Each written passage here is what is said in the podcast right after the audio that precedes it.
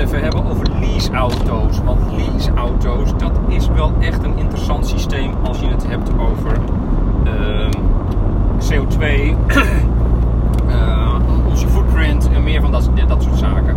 Een leaseauto, dan heb je een bepaalde bijtelling en ehm, dan is de rest van de besteding voor jou en het, ehm, het benzinepasje is van de baas, dus die betaalt al de benzine. Wat denk je dat er gebeurt op al die vakanties? Ja, iedereen gaat lekker rijden.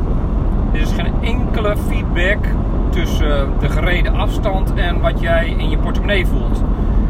Hmm, Is dat nou echt zo'n goed idee? Ik weet het niet. Volgens mij kunnen we dat beter anders organiseren.